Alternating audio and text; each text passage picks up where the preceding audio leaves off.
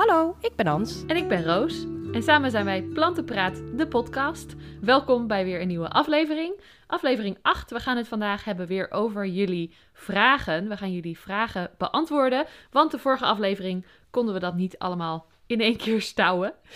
Ehm, maar eerst ben ik wel heel erg benieuwd. Ans, hoe gaat het nu met je? Ja, goed. Ik heb eh, nog vakantie. Nu we aan het opnemen zijn, is het eh, zaterdag. Maandag gaan de kinderen weer naar school. En ga ik weer aan het werk. Dus het is mooi weer. Ik geniet er nog even van. Ja, lekker. Je ziet Ja. er ook heel zomers uit. Vind ik heel leuk. Mooi truitje. Lekker Ja. kleurtjes. Heerlijk. Ja, dit is wel jouw kleur, hè? Ja, dat is heel erg uh, Ja. Lekker neon.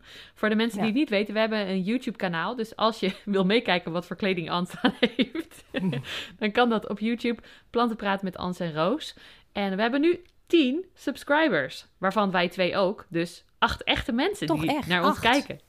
De vorige keer zei je van dat we vier hadden. En Ja. toen zei ik van ja, met wij, dat is de helft Ja. zijn wij, zeg maar. Ik denk dat mensen dat gehoord hebben en dachten, oh, even opzoeken. Dus welkom allemaal die op YouTube meekijkt. We zwaaien nu. Maar ehm, ook leuk als je gewoon luistert natuurlijk, dat op Spotify of Apple of waar je maar ook luistert. Welkom! Ja, ik begrijp dat niet zo goed hoor. Dat je, of begrijp dat niet, dat moet iedereen natuurlijk zelf weten. Ik vind het prima. Maar podcasts, lui, ik vind het veel fijner om te luisteren, want dan kun je ook nog dingen doen. Hmm. Als je naar Ja, beeld moet wel. kijken, dan moet je stilzitten. Ja, ik, ik denk, tenminste voor mij, ik doe ook wel veel podcasts met video erbij. Omdat je dan soms even kan kijken. En dan voelt het meer alsof die persoon er echt is. Ik gebruik podcast dat je alleen luistert. Vooral echt als, als ik andere dingen aan het doen ben. In de auto of tijdens het was ophangen of saaie dingen. Maar als ik dan toch ergens zit, dan vind ik het wel leuk soms om ook mensen hun gezicht erbij te kunnen zien. Of soms hebben ze meerdere hosts en dan weet ik één iemand, maar de andere mensen weet ik niet wie het zijn. Dus dan vind ik het gewoon leuk om even te zien wie dat dan zijn. En dan kan je daarna ook weer makkelijker luisteren alleen. Ja, maar dan zit jij dus stil. Nee, dan ben ik van alles aan het doen hier op mijn bureau. En dan kijk ik zo af en toe eventjes. Oké, want ik val echt in slaap, zeg maar. Hmm. Als ik stil zit en ik luister naar een podcast, ook met beeld. Want ik doe altijd, jij doet hem editen, hè, wat we hebben opgenomen. En dan stuur je het naar mij en dan ga ik even luisteren. Of er geen Ja. foutjes in zitten of wat dan ook. Maar ik moet dan echt heel erg mijn best doen om wakker te blijven. Oh, Want dan zit ik stil omdat ik ook aantekeningen maak over dingen Ja. die we noemen. oh ja. Oké. Ik ben wel benieuwd wat mensen, wat de luisteraars daarvan vinden. Laat ons weten in, eh, op Maar goed, het Instagram. is een optie. We bieden alle opties. Oké, en Roos, hoe is het met jou? Ja, ehm, ik heb wel hoofdpijn vandaag. Ik werd ook wakker daarmee. Maar ik ben wel toch naar yoga gegaan. Dus daar ben ik wel blij mee. Dus ik ga sinds kort naar, weer naar de studio. En dan neem ik gewoon les, zelf als leerling. En het is een hele, hele zware fysieke les. Want ik wil weer een beetje mijn lijf sterker maken. Vroeger gaf ik natuurlijk 15 lessen per week. Dus dan doe je best wel veel. En nu geef ik misschien nog één of twee lessen per week. Dus ik wilde weer een beetje mijn kracht opbouwen, mijn conditie opbouwen. Dus ik ben wel gegaan, maar ik moest wel een beetje opletten dat ik niet met mijn hoofd te veel naar beneden hing en zo. Dat ik eh, niet de hoofdpijn erger maak. Maar ik ben gegaan en eh, ik heb nog steeds hoofdpijn, maar het is niet erger of minder erg geworden. En eh, verder gaat het wel goed. Het is een lekker weekend, dus Ja, maar wel vervelend die hoofdpijn, hè? ja, het is irritant. Maar het is niet, tenminste op dit moment is het niet dat ik niks anders kan. Maar wel dat Nee. het gewoon constant een beetje zo zeurend is. Dus dat is fijner dan sommige dagen, dan kon ik echt niks. Alleen maar op de bank liggen met een washandje over mijn ogen. En dat is nu eh, wel oké. Maar ik ga zo meteen na het opnemen wel even rust nemen. Want dan eh, helpt het hopelijk met het verbeteren voor, zeg maar, vanmiddag en morgen. Volgens mij hebben we hier een vraag ook over. Ik zit ondertussen Ja? mijn briefje er even bij. Ah. Ja, Ans heeft de meeste vragen vandaag, want eh, die beheert onze Instagram-account plantenpraat.podcast. En ook op haar eigen account heb je gevraagd, toch? Ja. Ik heb ook op mijn eigen account nog gevraagd, maar daar heb ik vijf verse vragen van binnen. En voor als je het nog niet gezien hebt op onze Instagram, we hebben deze week verse vragen gevraagd. Want Ja. we merkten dat de vierde keer dezelfde vraag beantwoorden, omdat de opnames zo technisch eh, mislukt waren. Dat werd heel irritant. En ehm, ik merkte het ook aan het eind van de vorige aflevering. Ik weet niet of de luisteraars dat gehoord hebben. Maar onze vertraging was zo erg dat we ja, allebei best wel zagrijnig daarvan werden. En dan, dan waren er ook stukken dat het gewoon dat we wegvielen, dat de verbinding er niet was. Dus daar was best wel een beetje ge- ingeknipt om het eh, luisterbaar te maken. Maar daardoor wel, klonk het wel een beetje van hot naar her, vond ik. Ehm, en we hebben dus nu ook een andere manier van opnemen. We zijn op Zoom in plaats van in een of ander online platform. En we hebben hopelijk nu dan betere connectie, dus iets minder vertraging. En eh, nog steeds goede audio. Was, eh, ja, ik vond het de vorige keer vervelend, weet je. De spontaniteit gaat dan een beetje weg, hè. Als je iedere keer vastloopt of eh, Ja, je, dat robotgeluid wat je dan hoort. ja. Elke keer zaten we weer, oh, je bent weer vastgelopen. En heb ik er allemaal uitgeknipt. Dus dat hebben jullie hopelijk geen last van gehad. Maar ik merkte het ook aan onze gezichten. En, ah, je bent weer vastgelopen. Ja, nu, mm, 6000 keer. Dus Nee. hopelijk gaat het nu beter. ik hoop het ook. Tot nu toe wel. Wil jij de eerste vraag doen? Want jij hebt er veel meer dan ik. Ja, mijn eerste vraag, die komt van Mika T. Kous. Haar vraag is, of zijn vraag, Dienst. geen idee. Hebben jullie een kamer in huis waar geen enkele plant staat? Oeh, jazeker. Welke dan? De wc, de douche. En dat is het. Ik Het trapgat. Zolder. Nee, zolder staan ook planten. Bij mij de badkamer, de slaapkamers van de kinderen, Hmm. de wc, de bijkeuken en de hal. Ah, ik zie Dus nog mogelijkheden. Eigenlijk heb ik alleen planten op onze slaapkamer, op onze eigen slaapkamer, in de woonkamer en in de keuken. Oké. Wel grappig. Maar jij hebt natuurlijk wel een heel groot huis ook. Ik heb een heel klein huis. Dus ik heb op alle plekken waar een raam zit, daar heb ik wel een plant. De wc en de douche, die hebben geen ramen. Of de wc heeft een heel, heel, heel klein raampje op het noorden. Dus daar heb ik geen planten. En voor de rest, overal waar een raam is, daar staan wel, eh, wel planten in. Ja, eigenlijk de kamers, behalve dan de kamers, slaapkamers van de kinderen. Want ik wil me daar niet te veel opdringen. Oh ja. Hmm. Ze hebben daar geen behoefte aan, zeg maar. Om planten op hun kamer te hebben. Maar de badkamer, daar is niet genoeg licht. De wc ook niet. En de hal ook niet. Oké. En de bijkeuken ook niet. Ah, oké. In mijn hoofd waren dit allemaal hele lichte ruimtes. Ja, nee. Ik heb een hele lichte woonkamer en keuken. Ja. Hele grote ramen, maar nee. Oké, leuke vraag. Ja, zullen we doen ik twee, jij één? Ja, Want ik heb er heel veel en dan blijven er waarschijnlijk nog voor mij over. Ja. Oh, ook een leuke. Dat is van dezelfde. Ook weer van Mika T. Kous. En die vraagt... Hebben jullie een favoriete potsoort? Plantenpot. Oh, ik heb een vraag die er daarop aansluit zometeen. Ehm Oh. Ik vind zelf Elho mooie potten maken. En die zijn ook sustainable. Zijn we een keer op de fabriek geweest. Heel leuk om te zien allemaal. Die zijn van die matte... Ik heb eigenlijk alleen maar witte potten of echte kunstwerkpotten. Qua kleur. Maar alles is dus wit bij mij. En dan zo mat wit van Elho vind ik wel heel erg mooi. De, ik vind zelf de rechte heel mooi. Dus die zijn wel rond. Maar dan naar beneden zijn ze recht. En die vind, Ja, ze lopen Brussel. niet taps toe. Nee, ze lopen niet taps toe. En dat heet volgens mij de Brussels, Brussels eh, serie. Verder heb ik, ben ik heel erg fan van de potten van Nathalie. Zij is eh, Piece of Clay op Instagram. Zij maakt handgemaakte keramieke potten, denk ik. Ehm, Ja. Haar kleuren vind ik heel erg mooi. Ze verft ze met allerlei door elkaar lopende glazuren. Eh, dus dat vind ik heel erg mooi. Maar ja, ik probeer het een beetje, omdat mijn huis best wel vrolijk en vol is met planten, maar ook met kleuren en spullen, om het een beetje één te houden door alle potten in principe wit te doen. Behalve als het echt een kunstwerkpot is, die ik heel erg mooi vind. Van Elro heb ik ook een paar, die zijn met turquoise. Die zijn nu niet meer verkrijgbaar, was een limited edi- edition. Maar die kleuren, turquoise, verschillende kleuren, vind ik super mooi.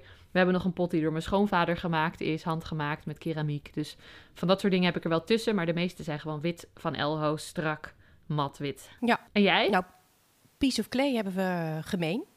Ja. Vind ik ook heel mooi. Heb ik ook best wel een heel aantal van. Dat is heel, heel, ja, ik vind ze heel mooi. Er past ook veel in. Zeg Ja. maar, elke, elke plant is mooi in die pot. Maakt niet uit wat je erin zet. Ja. Ook Elho. En die gebruik ik dan met de inserts voor Oh ja. hydrocultuur. Dus een hele, ik Ja. vind dat een hele mooie setup. En ik heb dan eh, ook, ook de Brussel, maar ook de Vibes collectie. Dat is een beetje Oh ja. dezelfde vorm, maar dan zitten die ribbeltjes erin. Ja.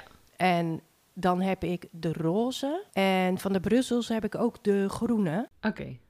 Je roze en groen. En ik heb in de keuken van die Vibes pot ook, kijk er nu toevallig naar, eh, blauwe. Ik kijk ook toevallig naar mijn blauwe. ik vind die Ja. blauwe van de Vibes heel erg mooi. Dat is een soort donker petrol blauwe-achtige kleur. Ja, dat is een mooie Dus ja, kleur. die heb ik ook een paar van met die ribbeltjes. Sinds een poosje gebruik ik de potten van, dat is ook voor hydrocultuur setups, van Lechuza. Oh ja, de eigen. Ja, ik vind ze heel duur, maar ze hebben nu een hele mooie kleur. Dat is een beetje metallic groen. En eh, ja, die is heel mooi. Oh, oké. Dus ja. En, Leuk. oh, ik heb een nieuwe en die heb ik nog niet, maar ik heb hem even op Instagram erbij gepakt. Dat is de Rainbow Potter. En dat is ook uit Nederland. En die, die vind ik echt heel mooi ook. En wat voor soort is dat dan? Is dat keramiek of plastic? Of... Ja, nee, keramiek, zelf gemaakt. En dan met de onderkant is effen.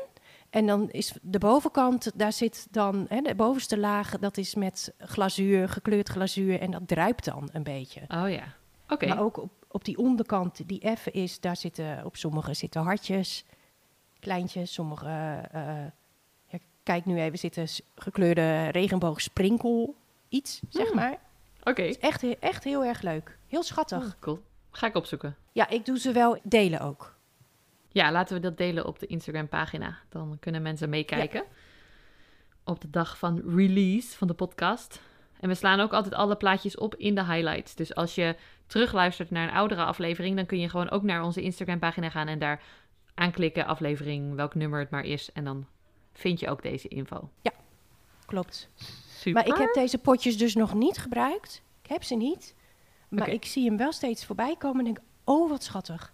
Maar het Ja. is pastel, dus ik weet, Roos, ik weet niet of jij het leuk vindt. Ja, ik hou wel van pastel als het de, de juiste kleuren zijn. Er zitten wel, ik denk dat de mooi, kleurtjes wel voor je tussen zitten. Oké. Ik heb trouwens ook nog heel veel voor mensen die geen, geen zin hebben om nieuwe producten te kopen. Want sustainable is. eh Elho is natuurlijk wel sustainable als in het is gerecycled plastic en ze hebben windenergie waar ze op werken. Maar als je nog beter voor de wereld sustainabler wil zijn, kan je natuurlijk ook naar de kringloop. Wij hebben. Aan het begin heb ik vooral heel veel potten gekocht van de kringloop gewoon. Want ik had helemaal niet veel geld en wel opeens 50 planten erbij. En dan kon, kon ik vaak, dan staat er 1 euro per pot of zo. Van, en ik zocht dan alleen de witte potten uit. Maar dan kom je bij de, tenminste bij de kringlopen die ik ken, kom je bij de kassa met zes potten. En dan zeggen ze, oh, eh 5 euro of 2,50 of zo. Ze doen vaak nog afronden ook nog naar beneden. Dus ehm, ja, dat is altijd ook een mooie optie. En dat zijn dan vaak keramieke potten. Gewoon stevig, goed, niks mis mee. En als je toch wit hebt als thema, zoals ik heb, dan past het allemaal bij elkaar. Ik heb ook van mensen gezien die hele leuke, meer vintage potten vinden bij de kringloop Ja. met allemaal gekke kleurtjes en patronen. Ik hou er zelf niet van, maar dat, dat bestaat nee, maar er ook. zijn Dus- best wel heel veel mensen die echt die, eh, die vintage eh, eh, vibe, zeg maar, heel erg leuk vinden. Ja, En zeker. die heb je echt wel daar, ja. Dus ook nog Ja. een goede tip. Ja. Ehm, de vraag die ik had die daarop aansloot, is van Eva Warmerhoven. Die, Warmenhoven, moet ik zeggen. Die zegt terracotta of aardewerk. Ik gebruik nooit terracotta meer. Ik ook niet. Ik heb het wel gedaan, maar met hydrocultuur is het gewoon niet zo handig. Oké. Want blijft het dan nat? Of werkt het niet? Of... Ehm, nou, misschien kan het juist wel heel goed werken. Want, want dat trekt het ook het zuigt water water op, hè? En Ja. kan het dan uit de zijkanten ook halen. Maar ik heb daar gewoon geen fijne setup voor gevonden, denk ik. Zo is het niet gelopen. Oké. Want er zit eigenlijk altijd in terracotta zit een gat onderin. Dus dan moet die in een reservoir staan. Oh ja, En, in een reservoir in de terracotta. En dat lekt dan Ja. weer, dus er moet er nog iets onder om het... en dat kan wel, want het, het absorbeert natuurlijk water. Dat kan wel goed zijn. Maar ik heb het, nee, ik heb het niet. En ze zeggen ook dat voor Hoya's, en er zijn de meningen over verdeeld, dat je Hoya's niet in eh terracotta mag hebben.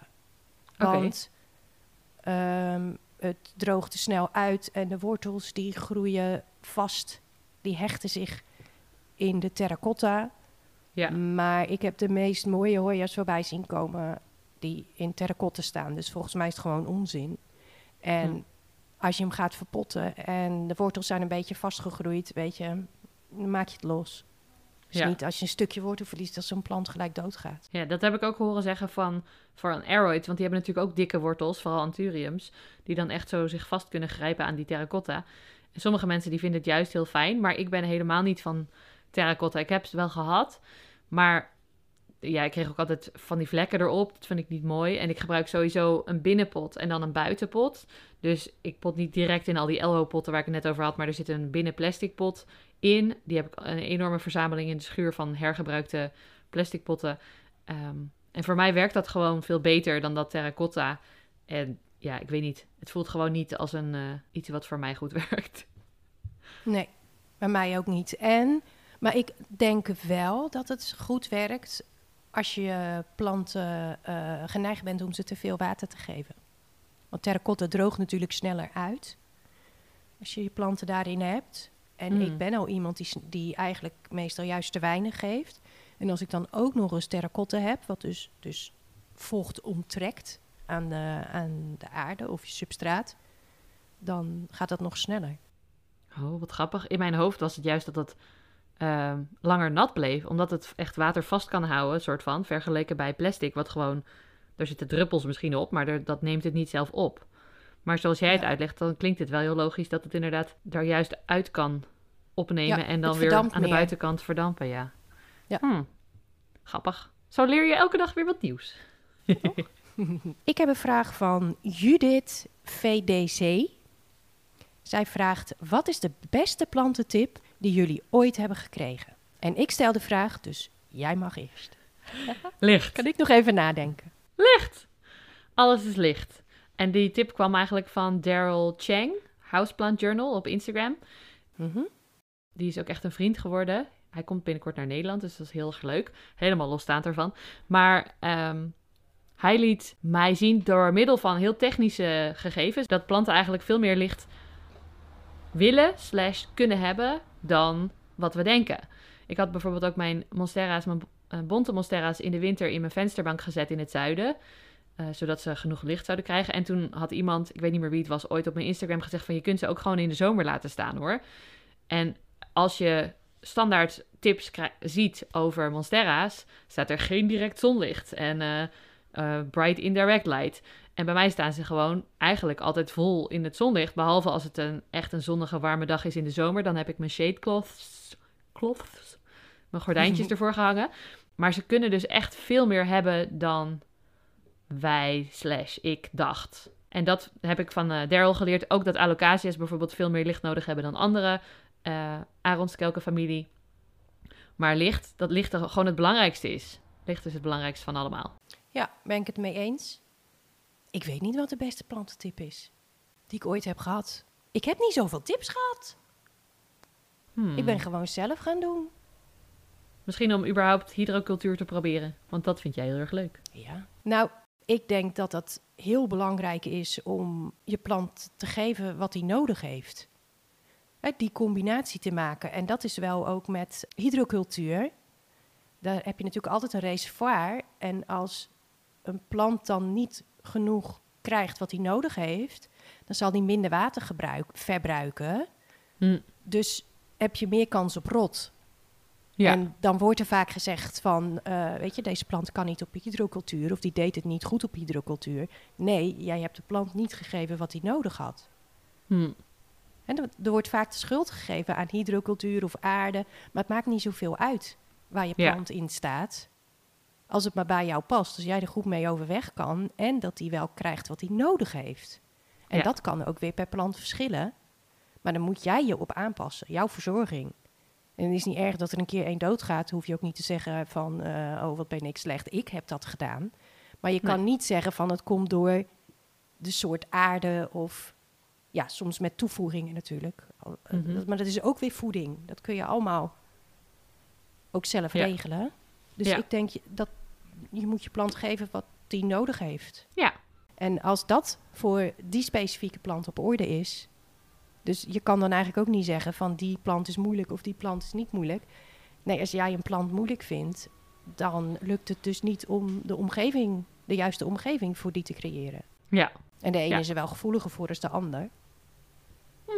Voor verandering, maar Ja, En dat vind ik het grappige ook aan bijvoorbeeld tips van... Want we hebben weer heel vet lange antwoorden per vraag. Dus we gaan nooit alle vragen kunnen beantwoorden. Eh, eh, Maar ehm, als ik bijvoorbeeld kijk naar de filmpjes van Sean van Only Plants op YouTube, botanist op Instagram, ik vind hem heel erg leuk.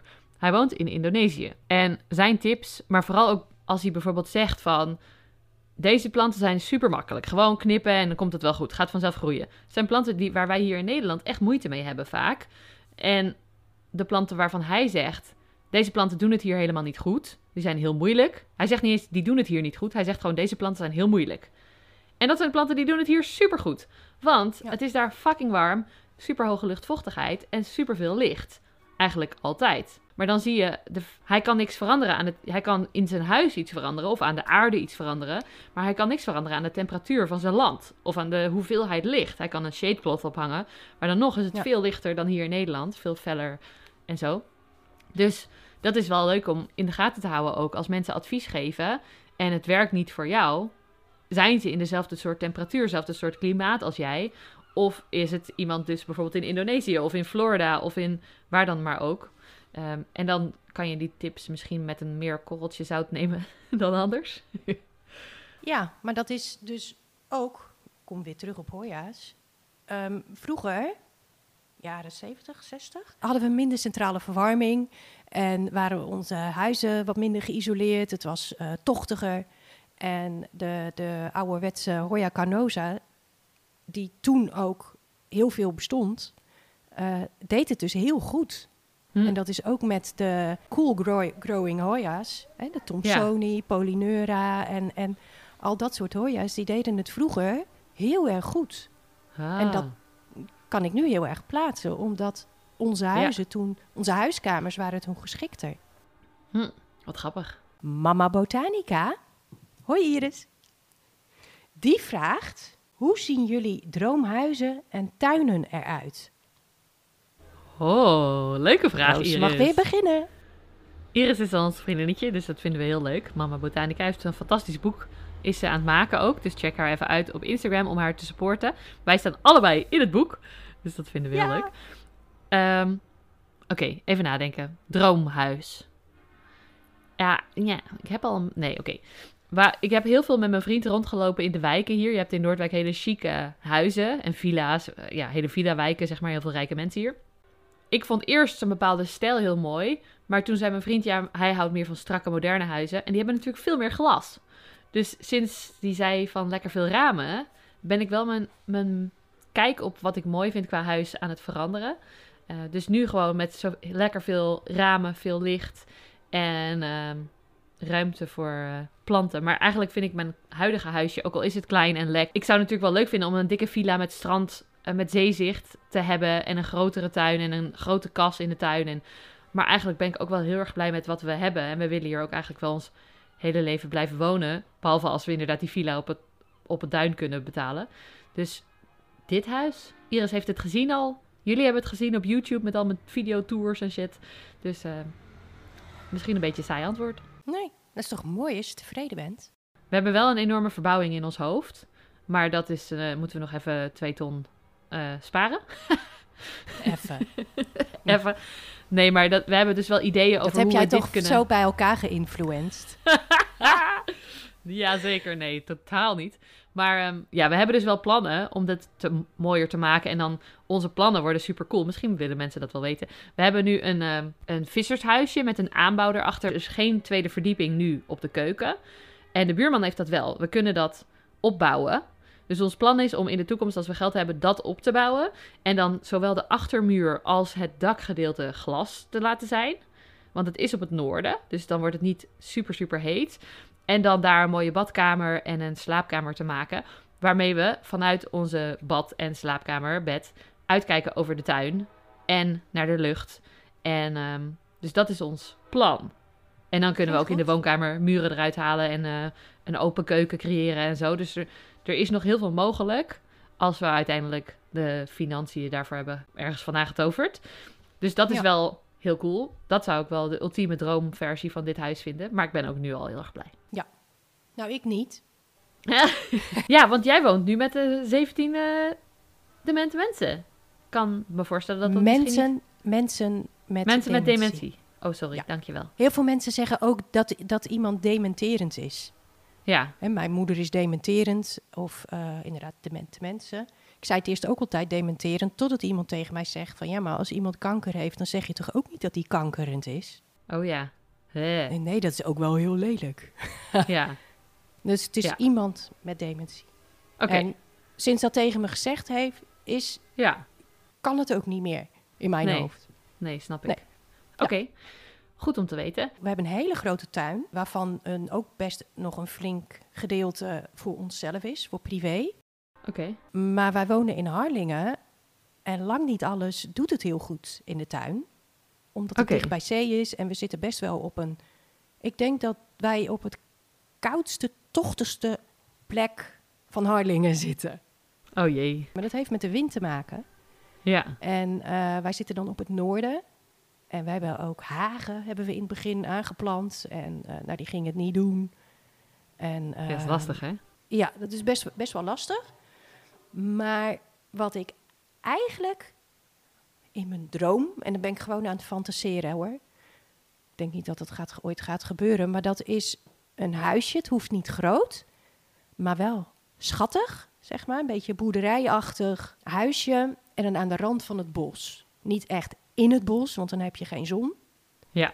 Oh ja. Maar aan de rand van het bos. En dat je dus gewoon ook uit je huis, je kan zo het bos inlopen. En dan krijg je ook eekhoorntjes in je tuin. En, en eh, misschien wel hertjes. en dat soort. Vossen. Beetje sneeuwwitje, zeg maar. Ja, wolven en, en slangen. Ja. Maar Oké. en dan een natuurlijke tuin. Hm. Dat je heel erg met inheemse planten. eh, eh, en dan het proberen heel goed te doen voor de biodiversiteit. Mooi. Voor binnen ben ik niet eens zo heel... Ja, het liefst wat een oud huis. Niet te strak. Dus sfeervol met een erketje of zo. Weet je, dat soort dingen. Glas en lood Hmm. vind ik leuk. Ja. En qua planten, dat kun je binnen toch wel creëren. Hm. Weet je, ik wil, eh, veel ramen is mooi. Maar ik zou meer aan de plek waar het huis is, dat dat goed voelt. Daar zou ik voor kiezen. Want je kan het binnen, kun je toch wel met groeilampen of dat soort dingen. Kun je het wel naar je eigen wens maken. Ja. Oké. Want ik heb dan Leuk. echt ontzettend veel geld in die droom. Ja, ik ook. Nou, dat zou ik willen. leuk. Ik wil een huisje aan de rand van het bos. En ik wil dat het een huisje aan zee. En dat heb ik. Ja, Ik had een, een vraag gekregen van Maaike Plant. Hoe is Ans in Harlingen terechtgekomen? oh. Nou, ja, ik kom, eh, ik, ik kom uit Friesland. maar niet uit Harlingen. Anna-parochie. Ja, Sint-Anna-parochie. Hele mond vol. Dat Ja. is ehm, nou, helemaal bovenin, Friesland, het noorden. Mijn ouders wonen daar ook nog. Ik ben daar opgegroeid. Toen wilden we een herbergier gaan beginnen. En toen kregen we als optie Harlingen. En nou ja, daar waren we, dat hebben we gedaan. Dus zo zijn Ja. we weer in Harlingen terechtgekomen. Oké. Leuk. Maar die, die was niet voor jou. Nee, alleen Ans. Niemand wil weten Maar jij- waarom ik in Noordwijk terecht ben gekomen. Ah, maar ik wel. Volgens mij heb jij het verteld in een van die vier mislukte opnames. Ja, meerdere keren heb ik het verteld in de, in de mislukte opnames. Ja, ik Maar kan nog het verhaal echt. al dromen. Ja, Ans gaat even plassen terwijl ik het verhaal. nee, ehm, ik ben ehm, opgegroeid in Overijssel. Toen ben ik gaan studeren en de wereld rondgereisd. Niet meer in Overijssel, want ik wilde naar een universiteit en die had je daar niet. Dus in Utrecht gestudeerd en toen een beetje overal en nergens gewoond waar de zee was. Dus eh, eerst op Ameland gewerkt als lifeguard en dan in de winters in Oostenrijk. Toen kwam ik mijn vriend tegen en die komt uit Noordwijk. Die is hier geboren en getogen. En toen dacht ik, nou ja, hier is ook strand. Ik kan het wel proberen. En nu zijn we acht jaar verder. En woon ik hier nog steeds. Helemaal gelukkig. Plantenbiep Snoepke, hoi hoi, Hey. die vraagt... wat is volgens jullie de ultieme plantenhek? Hmm, plantenhek. Hydrocultuur. Voor mij. Oké, nice. Ik ben niet zo van de plantenheks, maar vooral omdat dat meestal, heb ik vanochtend nog helemaal stories over gemaakt op mijn Instagram pagina, van die ontzettende heks en dat je denkt, ja, oké, het kan misschien wel eh, koffie gebruiken als voeding of bananenschillen gebruiken als voeding, maar je kunt ook gewoon voeding kopen. En dat is duizend keer effectiever. Zo onhandig.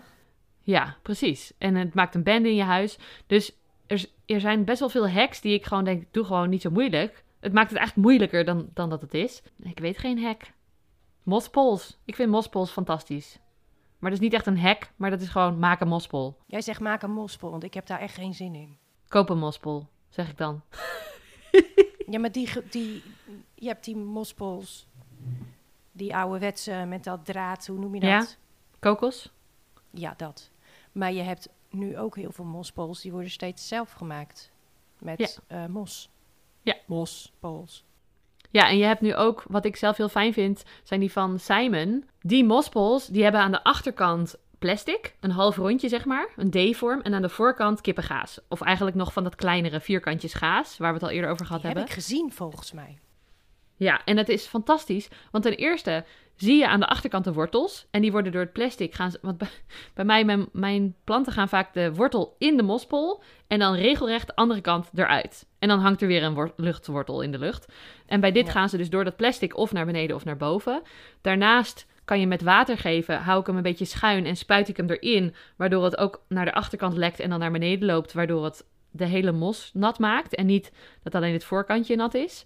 En de, je kunt ze heel makkelijk verlengen ook nog.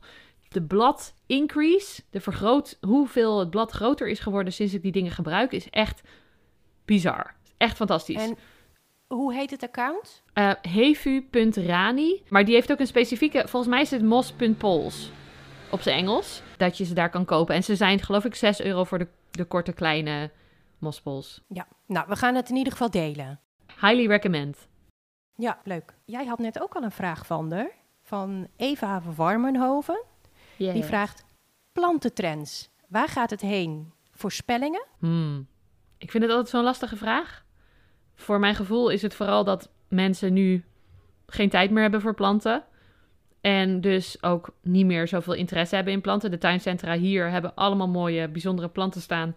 Die eerder meteen opgekocht zouden worden. Die staan er nu gewoon nog. Dus wat dat betreft denk ik dat vooral dat de hype aan het inzakken is. De populariteit van planten. En dat mensen misschien gaan kijken naar makkelijkere planten of makkelijkere setups met eh, hydrocultuur of met makkelijkere, simpelere planten. Maar dat weet ik niet. Ik heb dat zelf niet. Ik hoef niet ergens heen naar kantoor voor te werken. Dus ik ben gewoon hier met mijn eigen planten. Wat denk jij? Ja, met die hele pandemie, met corona, was het natuurlijk een enorme hype. Dat Ja. eh, eh, het planten gebeuren. Maar daarvoor had ik zelf al planten. Dus, dus ehm, ik was me ook een beetje verbaasd dat het opeens zo Ja. explodeerde, zeg maar. Ja. Wel ook logisch, en hartstikke leuk natuurlijk ook. Maar het is dus weer een beetje terug aan het gaan. Dat de diehards blijven over, zeg maar. Ja. En, maar ook net als voor de pandemie heb ik het idee dat eh, je hebt gewoon bepaalde mensen die bepaalde collecties, een plantensoort willen. Hè? Je hebt de, de Hoya-mensen, maar je hebt ook eh, orchideeën, collectors, verzamelaars. Mhm. En dat dat minder trendgevoelig is. Ik heb wel het idee dat begonia's van nu wat meer toch Ja. komen. En het is misschien altijd wel trendgevoelig, maar onder de die-hard plantenmensen speelt dat denk ik minder. Ja, dat denk ik ook. Dat die scheiding duidelijker wordt, vooral van ehm, mensen die meededen, maar eigenlijk niet speciaal helemaal de diehard zijn, zoals jij dat dan zegt, maar die, die niet echt meer de tijd hebben of er een andere hobby vinden of gewoon druk zijn met hun werk, familie, gezin, alles. Ehm, dat daar de scheiding in komt. En er zijn inderdaad gewoon heel veel mensen die al 100 jaar orchideeën verzamelden, of 10 jaar, en dat nog steeds doen. Eh, en mensen die Hoya's... Ik heb inderdaad het idee dat Hoya-mensen ook specifiek wel echt Hoya-mensen zijn. En die zijn er ook ja, al soms heel wat lang. orchideeën erbij. Ja, inderdaad. Ja, die werken samen veel. En ik ben benieuwd wat er met de Aronskelkenfamilie mensen gaat gebeuren nu. Want ja, die planten worden steeds groter. En wat je er dan mee doet, of je dan weer minder neemt... of dat je er gewoon er klaar mee bent en die leuk meer vindt...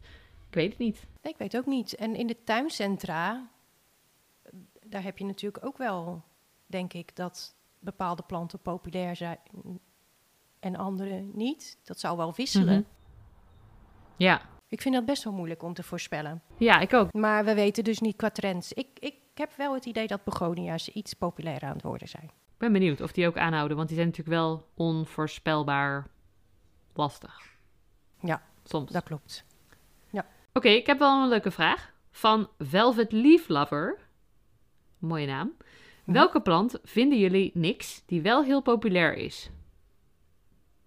Oh, maar die hebben we al een beetje beantwoord in de vorige.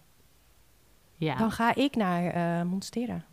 Oh ja, ja. En ik had toen gezegd Calathea's. Heel populair. Ik vind Calathea's niet echt heel populair. Nee. Ik vind de gewone Adansoni's niet mooi. Die wel heel populair zijn. Is dat zo? Geldt dat? Ja, Zijn Adansoni's zijn wel populair? Ja. Dacht ik wel. Ik weet Ja, het volgens niet mij zijn er alleen de bonte... Nee, er zijn heel veel mensen die populair. Adansoni, gewoon de normale Adansoni ook heel mooi vinden. Snap je toch maar eh, ik niet. ook al heb ik nu wel een paar stekjes van de geelbonte. Maar eh, ja, ik ben benieuwd of ik die wel mooi ga vinden. Ja, beide Monstera dan. Ja. Sorry, Montserrat. Oh, nou, deze doen we vlot. Ja. Elien.a.v. Die vraagt: Begonia maculata krijgt soort schimmel op blad als hij niet Mm. in badkamer staat. Als ik stek, gaat het wel goed. Die mag jij beantwoorden. Jij weet daar meer van dan ik. De enige soort schimmel die ik ken op begonias is dan meeldauw. Ja, daar dacht ik ook En nou meteen weet ik even niet of dat nou... Ja, dat klopt volgens mij. Is meeldauw komt sneller in een droge omgeving. Oh. met lage luchtvochtigheid. Maar of was het nou andersom? Maar het zou met die badkamer Ja. zou wel logisch zijn dat het te droog is in je huis. Dat die sporen van die meeldauw het heel goed doen. Ja, oké. En hoe kan het dan dat die stekjes eh, het niet hebben? Dat er misschien al sporen op die andere plant zitten en op de stekjes niet. Ja, dat kan natuurlijk. Maar weggooien dus eigenlijk. En de stekjes houden? Oh. Of wat is je tip daarvoor? Ja, ja, ik zou als het schimmel is en wat niet lukt en de stekjes doen het wel goed, dan zou ik eh, lekker voor de stekjes kiezen. Maar ik weet dus niet of die stekjes nu in de badkamer staan en dat als ze die uit de badkamer haalt, dat die het dan ook weer krijgen. Ja, en want het is best wel besmettelijk, toch? Ja, het is echt heel vervelend. Je komt er bijna niet meer vanaf. Ja, goed om even onderzoek te doen naar meeldauw. Ja. Misschien is dat het. En dan, eh, als dat het inderdaad lijkt te zijn, je kunt gewoon googlen en dan zie je wel plaatjes. Komt veel voor begonia's. Als het dat is, is mijn advies om de plant weg te gooien en misschien een stekje te houden, maar wel goed in de gaten te houden. Want dat kan heel makkelijk verspreiden naar andere planten ook. Ja, en bij meeldauw wordt wel gezegd dat je die kan behandelen met eh, iets met zwavel. En dan heb je die eh, Ja. bestrijdings, die pakjes heb je wel bij de Ja. tuincentrum of, of iets. Of ook schijnt ehm waterstofperoxide schijnt te helpen tegen schimmels. Maar het is wel zo'n makkelijke plant. Ik zou, een begonia maculata kan je wel overal vinden voor een paar euro. Ik zou hem wegdoen. Ja. Ik, ik kijk Ja. er altijd de balans in van hoeveel werk is het versus en geld. Hoeveel is het om het hem te vervangen in dit geval? Ja. En eh, Ja, Ja. ik zou hem wegdoen. ik ook. Dan. Sorry. Ja. Ik heb Kim van der Veken. Die vraagt tips, tips tegen trips. Tips tegen En trip. wat je het beste daarna, daaraan kan doen. Hm. Ja, je hebt meer ervaring met tripsen. Ik heb eh trips kwekerij in mijn kas. oh, rotbeesten. Mijn ervaring is dat je het beste zoveel mogelijk de volwassenen kunt eraf halen. Ik doe dat zelf vaak met plakband. Dat je gewoon plak plak op het blad totdat alle Kan ook volwassenen met je zo'n roller toch? Zo'n kleding, zo'n Ja, harenroller. lintroller, eh lintroller kan ook. Ehm, of ik doe soms met mijn alcoholpen ook ze aanstippen als ik toevallig dat bij me heb en geen plakband. Want één volwassen, ik had toevallig contact met de Entocare. In die weken dat het zo warm was afgelopen weken, dan kan dus in één trips al één kolonie maken binnen een week. Mhm. En dat is echt Ja. heel snel. Dus je moet gewoon zoveel mogelijk van de volwassenen dood krijgen. En ik doe zelf dat liever niet met een spray. Ik weet dat er mensen zijn die ook echt spray uit Duitsland bestellen. Er is een spray die is eigenlijk niet legaal hier in Nederland om te gebruiken, maar wel effectief. Maar ik denk dan alleen maar, waarom is het niet legaal om hier te gebruiken? Omdat er alle andere beesten er ook van doodgaan. En ik Ja. wil eh, dat niet gebruiken. Dat is gewoon veel te, veel te giftig. Dus ik gebruik zelf goede beestjes om te bestrijden. Maar je kunt ook, er zijn ook sprays die ook kunnen werken, maar niet zo heftig zijn. Over het algemeen, in mijn ervaring, zijn tripsen lastig te bestrijden, omdat ze zo snel kunnen voortplanten en omdat ze de eitjes in het blad leggen. Dus ook al heb je de hele plant schoon, zit er nul tripsen meer op, weet je 100% zeker. Dan komen na één of twee weken die eitjes uit. Die zaten in het blad. Die hebben geen enkele last gehad van al jouw acties en jouw sprays en jouw dingen. En die gaan dan vrolijk wel rondwandelen en die creëren een nieuwe kolonie. En tripsen nymfen of ehm kokonnetjes. Er is zo'n stadium van de tripsen leven. Die zitten ook of in het blad of in de aarde. Dus mensen zeggen ook vaak, je moet meteen de aarde vervangen. Maar dat hangt af van wat voor soort trips je hebt. Dus misschien geef je de plant dan nog meer stress, terwijl die beesten helemaal niet in de aarde zaten. Ja. Dus het is echt eh, best wel lastig om ze te bestrijden. Ik heb zelf het meeste succes gehad met goede beestjes, want dan hoef je niet zoveel te doen. Ik vang de volwassenen zoveel mogelijk af met plakband. En dan eh, de goede beestjes die de rest doen. Die houden het in controle, Nee, hetzelfde. Ik heb zelf niet heel veel last van tripsen. gelukkig. Ja, zeker gelukkig. Maar ehm, ja, beestjes. En ik denk die zakjes met die mijten om te voorkomen. Ja. Preventief. Ja, dat werkt heel goed. Ja. Ik doe de combinatie, als ik echt een actieve invasie heb, heb ik de zakjes van Entocare van Sweersky. Dat zijn eh, mijten die ehm, de larven en zo van tripsen eten. En dan heb ik nog buisjes met predatrips. Dat zijn volwassen tripsen die andere tripsen eten. Dus rooftripsen heet dat. En die eten de volwassenen op. En die help ik dan altijd voordat, ze, voordat ik ze uitzet, help ik dat met door dat eh, plakband of iets om zoveel mogelijk te verwijderen. Want het zijn er wel echt heel veel, bijvoorbeeld nu in de kas, op de alocasia's en alles. Eh. Dus Maar dan is het niet, want doe je dan echt zoveel mogelijk? Dat je echt probeert om alles weg te krijgen? Nee. Of laat je wel wat voor ze over? Want het is een beetje sneu dat je die beestjes inzet en ze hebben niks te eten. ja, nee, ik, ehm, als ik ze zie, gewoon degene die ik zie, haal ik weg. Maar ik ga niet helemaal de plant ehm, behandelen. Maar eh, op- in dit geval buiten in de kas werkt het ook niet zo effectief met die goede beestjes. Of tenminste, de deuren staan altijd open en de ramen. Dus er waaien ook gewoon weer nieuwe tripsen binnen. Dus ik ben daar iets minder... eh, het boeit me iets minder dat daar heel veel tripsen zitten. Want ja, dat, dat valt toch niet eh, te behandelen, denk ik. Dus binnen ben ik wat eh, oplettender, maar vertrouw ik ook wel meer op de beestjes. Omdat het een gesloten, closed environment. Dus ik heb wel ramen openstaan, maar dat is een stuk minder open dan de, de enorme schuifdeuren van de kas. Dus ja, hier binnen vertrouw ik eigenlijk wel op de behandeling van de beestjes. En als een plant echt heel veel invasie heeft, zet ik hem in mijn trips isolatiebox. Dat is gewoon zo'n eh, plastic eh, doos, doorzichtige doos, waar ik al alle planten in heb die eventueel tripsen hebben. En dan doe ik daar de beestjes in. En dan is het echt een closed environment. En dan werkt het nog beter, nog effectiever. Goeie tips. Hopelijk. Ja, je hebt er veel ervaring mee. Jazeker! Plenty Corine. Die vraagt aan Roos: hoe gaat het met je revalidatie? Heb je wat aan de therapie? Wat lief. Ehm, ik ben op dit moment allerlei therapie aan het doen. Ik ben net weer geweest bij mijn nekspecialist, want mijn nek zat heel erg vast. En dat geeft natuurlijk ook weer meer hoofdpijn. Ik heb nu hoofdpijn, maar dat, dat is gewoon, dat wisselt heel erg. En ik ben, ga volgende week beginnen met mijn echte revalidatietherapieën. Oké, even voor, de, voor het beeld. Ik ben 2,5 jaar geleden gevallen. Ik heb een langdurige hersenschudding. Ik heb daarvoor zelf eh, nu op dit moment actieve therapie de psycholoog om te helpen met anxiety en intrusive thoughts, intrusieve gedacht gedachten. Ik heb de ergotherapeut die helpt met belastbaarheid. Dus wat kan ik veranderen zodat, het, zodat ik minder klachten heb? Want ik zit de hele dag bijvoorbeeld mentale belasting te doen en dat is niet zo slim. Ehm, ik heb een online therapeut, omdat ik samenwerkte met BetterHelp, die helpt met ADHD-klachten en hoe, want dat werkt tegen elkaar in. Eh, ik heb een nekspecialist, dat, dat is een manueel therapeut die mijn nek masseert als ik last heb. Ik heb een jaw, een kaakspecialist, die als een manueel therapeut die masseert mijn kaak als ik te veel klachten heb. En dan ga ik dus nog beginnen met revalidatie. En dat wordt ook een ergotherapeut, weer een andere, een psycholoog, andere, en een sociaal werker. En die gaan samen met mij in gesprek om te kijken of dat revalidatiecentrum mij kan helpen. Dus het is heel erg veel. Ehm, en die plannen ook gewoon afspraken in. Die hebben niet zoiets van eh, welke dag kun je, maar gewoon dit is het rooster van deze week. Dan moet je er zijn. Dus ik ben heel benieuwd hoe dat gaat gaan. Mensen met langdurige ziektes of klachten, die zullen dat misschien wel herkennen dat je ook therapie moe wordt.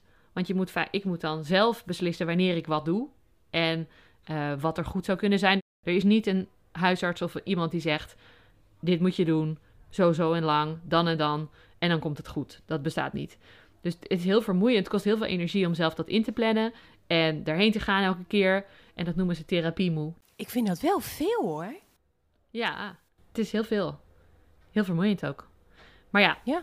maar dat Ja, is ook wel omdat de wachtlijst... Ik had gevraagd van, hey, zal ik dan nu alvast zelf iets gaan doen? Of zal ik even wachten tot ik bij de revalidatiecentrum terecht kan? En die hebben zo'n lange wachtlijst. Ik heb vijf maanden gewacht op mijn eerste telefoontje überhaupt om te mogen komen. Dus Ja. dan ging ik maar zelf doen. Dus daarom is het nu een beetje dubbelop zometeen. Want anders had ik vijf maanden geen enkele hulp gehad. Maar verder gaat het wel op zich hartstikke goed. Ik kan meer dan een half jaar of een jaar geleden. Het gaat beter. Ik voel me vaak beter. Maar nog steeds wel met eh, ups en downs de hele tijd. Oké. Maar lief dat ze het vragen. Sorry, heel veel informatie. Maar eh, het gaat op zich wel goed. Zo had het ook gekund. Ja. Maar dat doen we lekker niet. Nee. Zal ik nog één doen? Ja. Want ik heb een vraag van Urban Jungling. Heel Hey. leuk is die. Leuke, leu- leuke Wat meid. leuk dat hij ook luistert. Roos, als het kon, zou jij dan je ADHD kwijt willen? Eh, nee. Ik zou wel willen dat de medi- medicatie zou werken. Ik heb medicatie geprobeerd, maar dat werkte niet voor mij. Werd ik alleen lichthoofdig van, meer nog, want ik heb hele lage bloeddruk. Maar ik vind mezelf best wel fijn zoals het is. Ook al is het voor in relatie tot anderen lastig. Maar ik ben wel heel creatief en ik kan heel snel schakelen. En ik kan heel diep ergens induiken. Terwijl misschien iemand anders denkt: waarom ben je daar nu diep in het induiken? Maar ehm, als ik iets leuk vind, dan kan ik eh, heel veel, echt heel veel opnemen en leren. En het is bij mij wel, ik heb wel een master afgemaakt. Wat vroeger mensen dachten dat je dat niet zou kunnen met ADHD. Kunnen wij prima. Alleen eh, wij kunnen ook heel goed masken. Dus niet laten zien dat we ADHD hebben. Dus misschien hadden jullie niet door dat we ADHD hebben. Maar we kunnen hartstikke goed opleidingen doen. Duurt misschien iets langer. Maar, ehm, dus nee. Maar ik vind het wel een grappige vraag. Want ik zou het inderdaad wel... Het, soms is het wel fucking frustrerend. En dan zou het wel makkelijker zijn om gewoon even iets te kunnen onthouden. En iets te kunnen doen op het moment dat het moet gebeuren. En eh, zo, dat wel. Ja. En jij? Ik weet het niet, daarom heb ik hem ook aan je gesteld. Ah, Ik, aan de ene kant vind ik mijn ADHD leuk. En vind ik het heerlijk om mezelf in dingen te verliezen. En, en eh, zoals van de week, ik ging even een half uurtje wandelen. En dan kom ik anderhalf, twee uur later terug, omdat ik bij je heb slow motion staan filmen.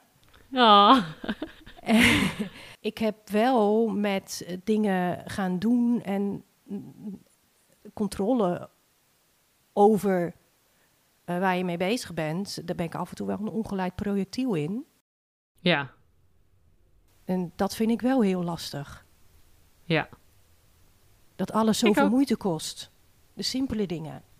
Weet je, de Ja. moeilijke dingen, die gaan wel. Ja. Ja, gewoon de dagelijkse dingen die andere mensen gewoon even doen, die Ja. krijgen we niet gedaan. Ja. Nee. Hmm.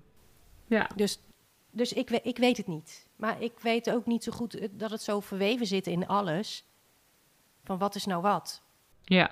Ik heb ook een heel leuke... Ik volg een account en ik weet even niet hoe die heet. ADHD Kappel volgens mij. En die maakt hele leuke tekeningetjes.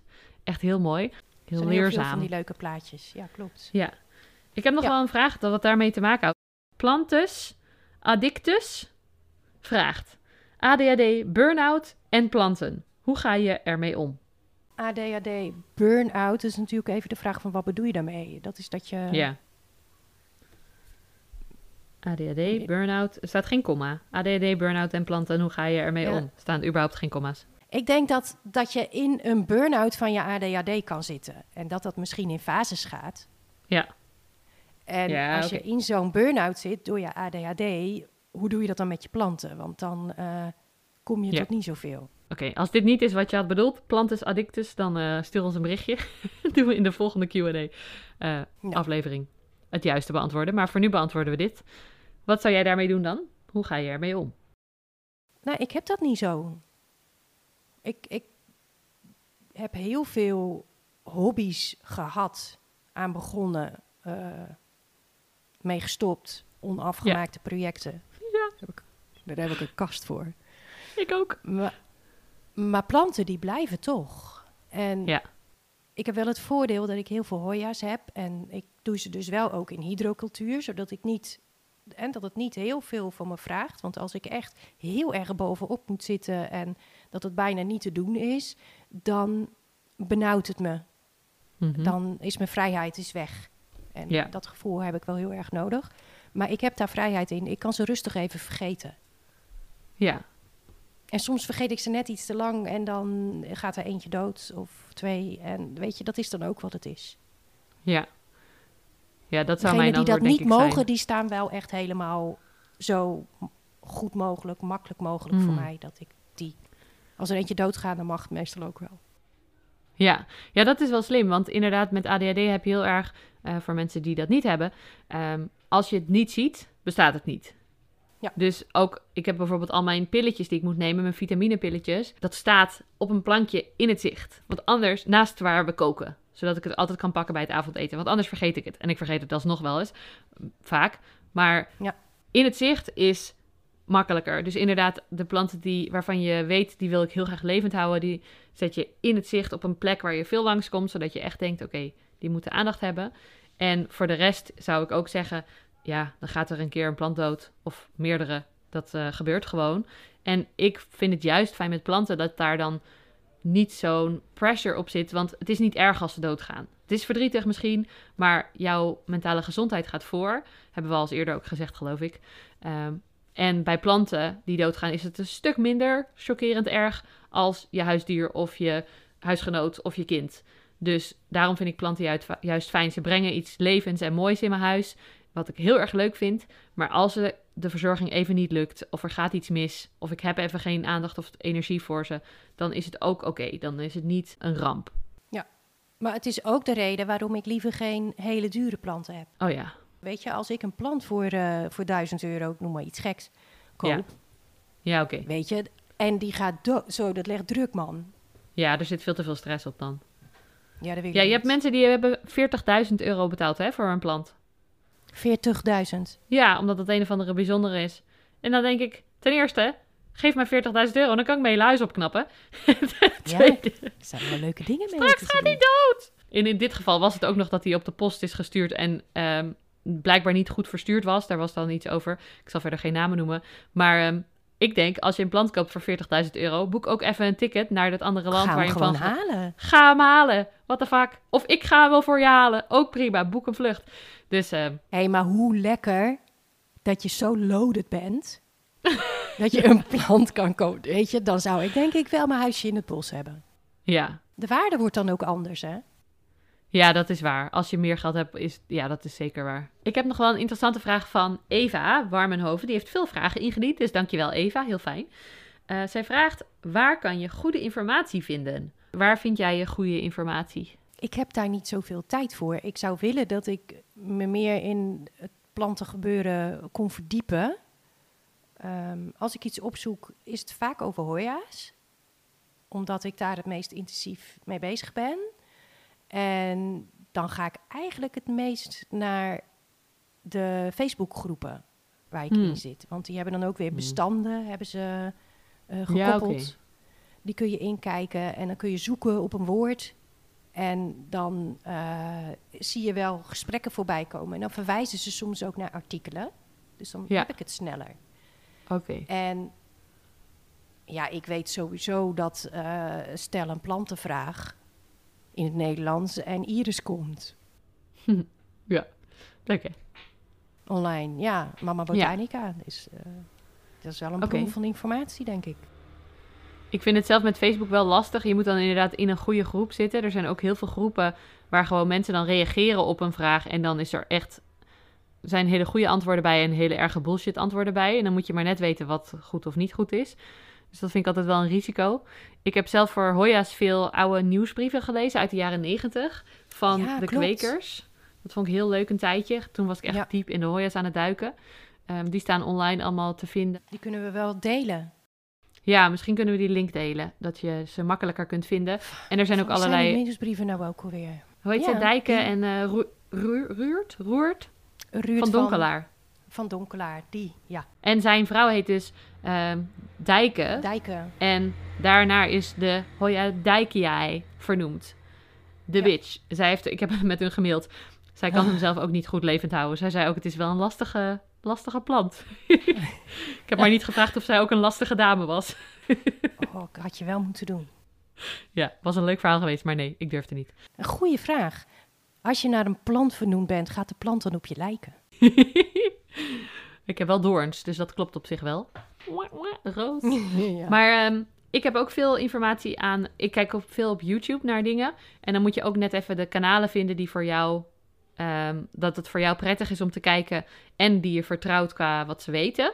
Want in mijn ervaring eh, zijn er een aantal bullshitters die zeggen: Dit is het zo. Die zeggen het met zoveel eh, zelfvertrouwen dat mensen het geloven. Maar eigenlijk weten ze het helemaal niet. Ze bullshitten gewoon. En daar kan ik heel slecht tegen. Ik heb liever dat je zegt: eh, Dit is mijn ervaring in mijn situatie. Zo gaat het goed bij mij. Dan dat je zegt: Het is altijd zo.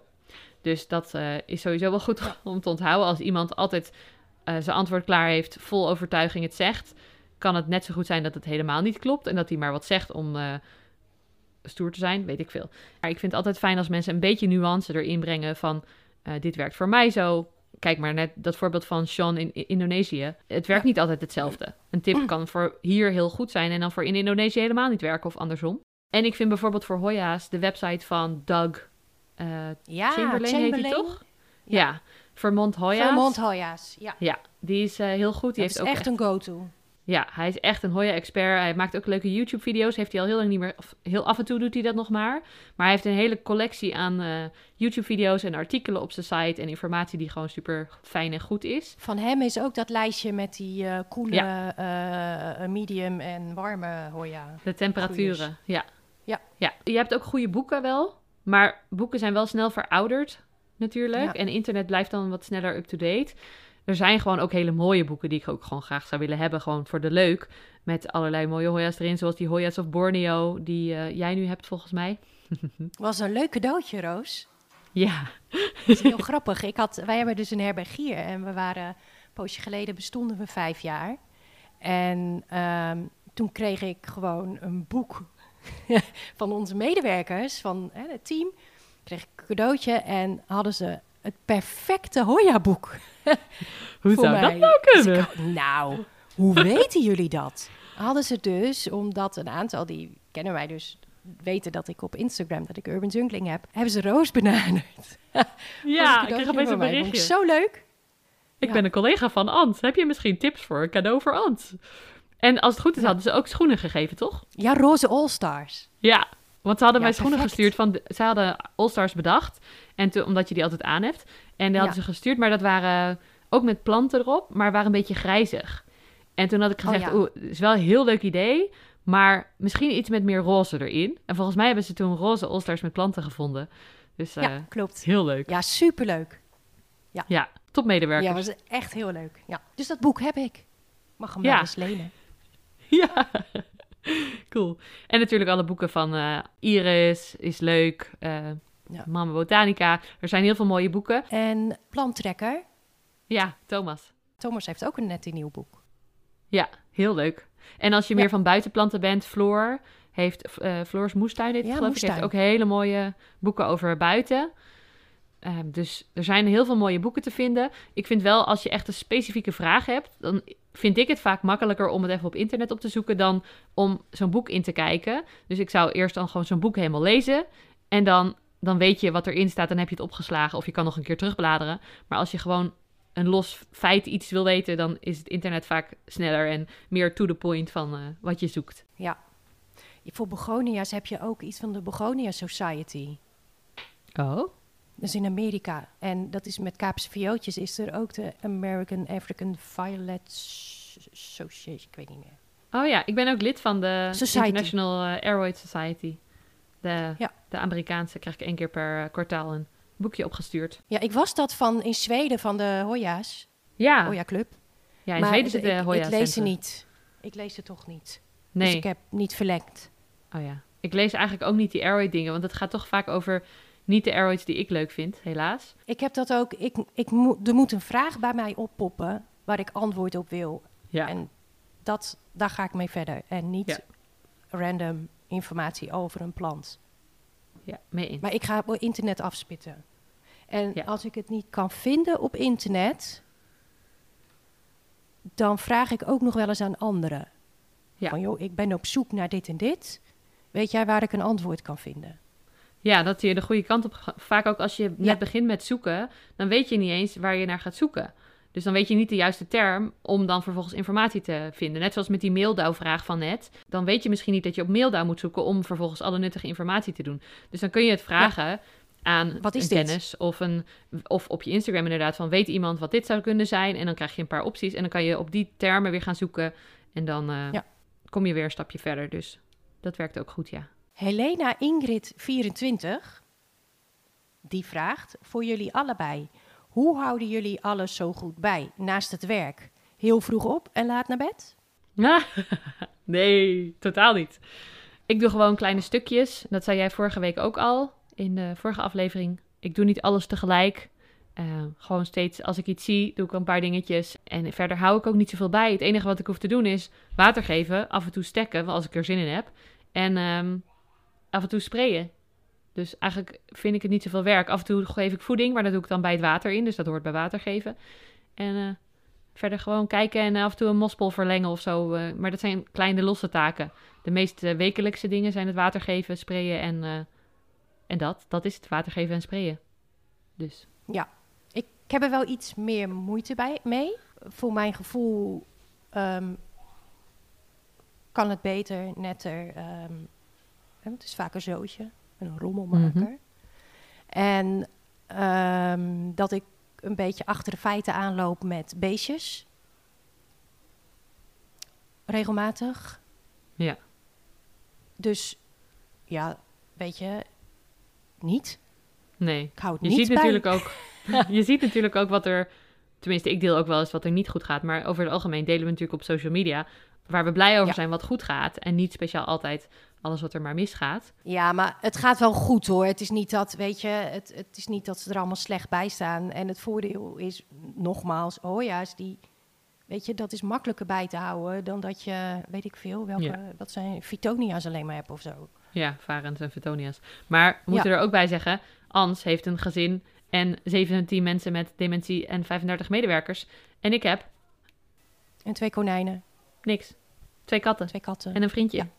Dus de verantwoordelijkheden zijn ook wel. eh, ik snap wel dat jij er wat meer moeite mee hebt. Want het is nu gewoon onderdeel van mijn werk geworden, eigenlijk. Ik geef ook nog yoga-evenementen en dingen. Maar eh, dankzij alle fantastische luisteraars, kijkers en volgers. kan ik nu onderdeel van mijn, mijn dagelijkse taken. is gewoon planten verzorgen, projectjes doen, filmen en editen. Dus dank jullie wel allemaal die er luisteren. Ja. Want. eh, ja, daardoor is het misschien ook makkelijker dan als iemand gewoon een fulltime baan heeft en daarnaast dingen moet eh jong leren. Dus ik snap het ook helemaal als je, als je niet dat lukt. Of als je niet zoveel planten meer wil hebben omdat het te veel werk is. Ja. Of, Maar weet je, accepteren dat je het niet altijd perfect bij kan houden, weet je, dat scheelt al heel veel. ja, het hoeft niet perfect. En, en zeker als je wat sterke planten hebt. En weet je, als je dat van jezelf verwacht, zeker als je ADHD hebt. Want als er iets consistent is bij ADHD, is dat je inconsistent bent. ja. Dus weet je, dat, je ook. kan niet veranderen. Jij misschien. Inconsistent, heel consistent incontinent, ja. Sorry. Maar dat is dus wel een voorbeeld van dat ik mijn ADHD leuk vind. Want dan opeens ziet mijn hersenen gewoon zo dat woord. En dan zit ik zo in mezelf soms te lachen opeens, terwijl ik met andere mensen... Meestal zeg ik het niet hardop. ja, er komen van die gekke linkjes die ADHD dan alleen maar kan bedenken. En eh, dat vind ik heel leuk. Dat is het ook. Een beetje woordincontinentie. Verbal diarrhea. Ja, dat heb ik zeker weten. Wat was de vraag? Oh ja, of we bij konden houden. Nou, Ja. ja. Vaak wel. Soms niet. Gewoon lief zijn voor jezelf, niet te streng. En eh, het komt goed. Volgens mij was dat hem, want we zijn al heel, heel lang bezig vandaag. Dus ehm, laten we afronden. Als je ons nog meer vragen wil stellen, hoewel we nu, we hebben nog steeds allemaal niet vragen beantwoord, maar we laten het even hierbij. Volgende week gaan we weer een ander onderwerp eh, doen. Als je verzoeken hebt voor een leuk onderwerp trouwens, voor een aflevering, voel je vrij om dat ook aan ons te laten weten op onze Instagram pagina, plantenpraat.podcast. En je kunt ons ook mailen, plantenpa- pl- plantenplet, plantenpraat.podcast.gmail.com. En ons YouTube-kanaal, Plantenpraat met Ans en Roos, kun je ook vinden. En dan kun je ook comments achterlaten en eh, vragen stellen en suggesties doen voor volgende afleveringen. Vinden wij heel erg leuk, want wij hebben natuurlijk allemaal ideeën. oh, even maar... heel snel. Er was een vraag van iemand en die vroeg... gaan we ook aflevering maken waarin andere mensen komen? Dus interviewen. Ja. En het Oh, antwoord is dus ja. Ja, we gaan mensen interviewen, zeker weten. Eh, alleen moeten we dat nog even regelen, want Ans woont er in het verre noorden. En moeten we even regelen dat we samen zijn en mensen kunnen interviewen. We kunnen natuurlijk ook online doen, maar het is leuker om bij mensen langs te gaan, want dat zijn ook nog onze vrienden. Dat is ons plannetje. Dus het leuke vraag, dank je voor deze laatste toevoeging. Daarnaast kun je natuurlijk Ans ook vinden op Instagram op at urbanjungling. En op haar eigen blog, urbanjungling.com. En Roos kun je vinden op Instagram, at Plant with Roos. En op YouTube, Yoga en Plant with Roos. Dank jullie wel voor het luisteren. Het was een enorme lange aflevering, dus als je tot hier hebt geluisterd, krijg je extra hartjes van ons en eh, duimpjes omhoog. Ehm, als je het leuk vindt, ik zei het vorige week heel streng, want toen waren we een beetje zagrijnig allebei, maar ik zeg het nu een stuk liever. Als je dit een leuke podcast vindt, zouden wij het hartstikke leuk vinden als je ons vijf sterren geeft of een review. Ja. ja, het was vorige week echt, geef ons vijf sterren. ik was niet duidelijk een beetje klaar mee. Oh, mij wel. Ik vond mezelf heel onaardig. Dus bij deze mijn excuses voor vorige week dat ik onaardig was. Super bedankt dat jullie zo ver aan het luisteren zijn. En als je zin hebt om ons vijf sterren te geven, heel fijn. Om een review te schrijven, heel fijn. Of als je feedback hebt, staan we er ook altijd voor open. Maar niet via sterren graag. Oh ja, als, Dan. je, nee, als je negatieve feedback hebt, stuur ons een mailtje of een berichtje. Dan eh, kun je daarna weer vijf sterren geven. Dat is echt zo'n foute vraag. Maar maakt niet We doen uit. het toch. Dank jullie wel voor het luisteren. En ehm, tot de volgende keer. Tot de volgende keer. Doei!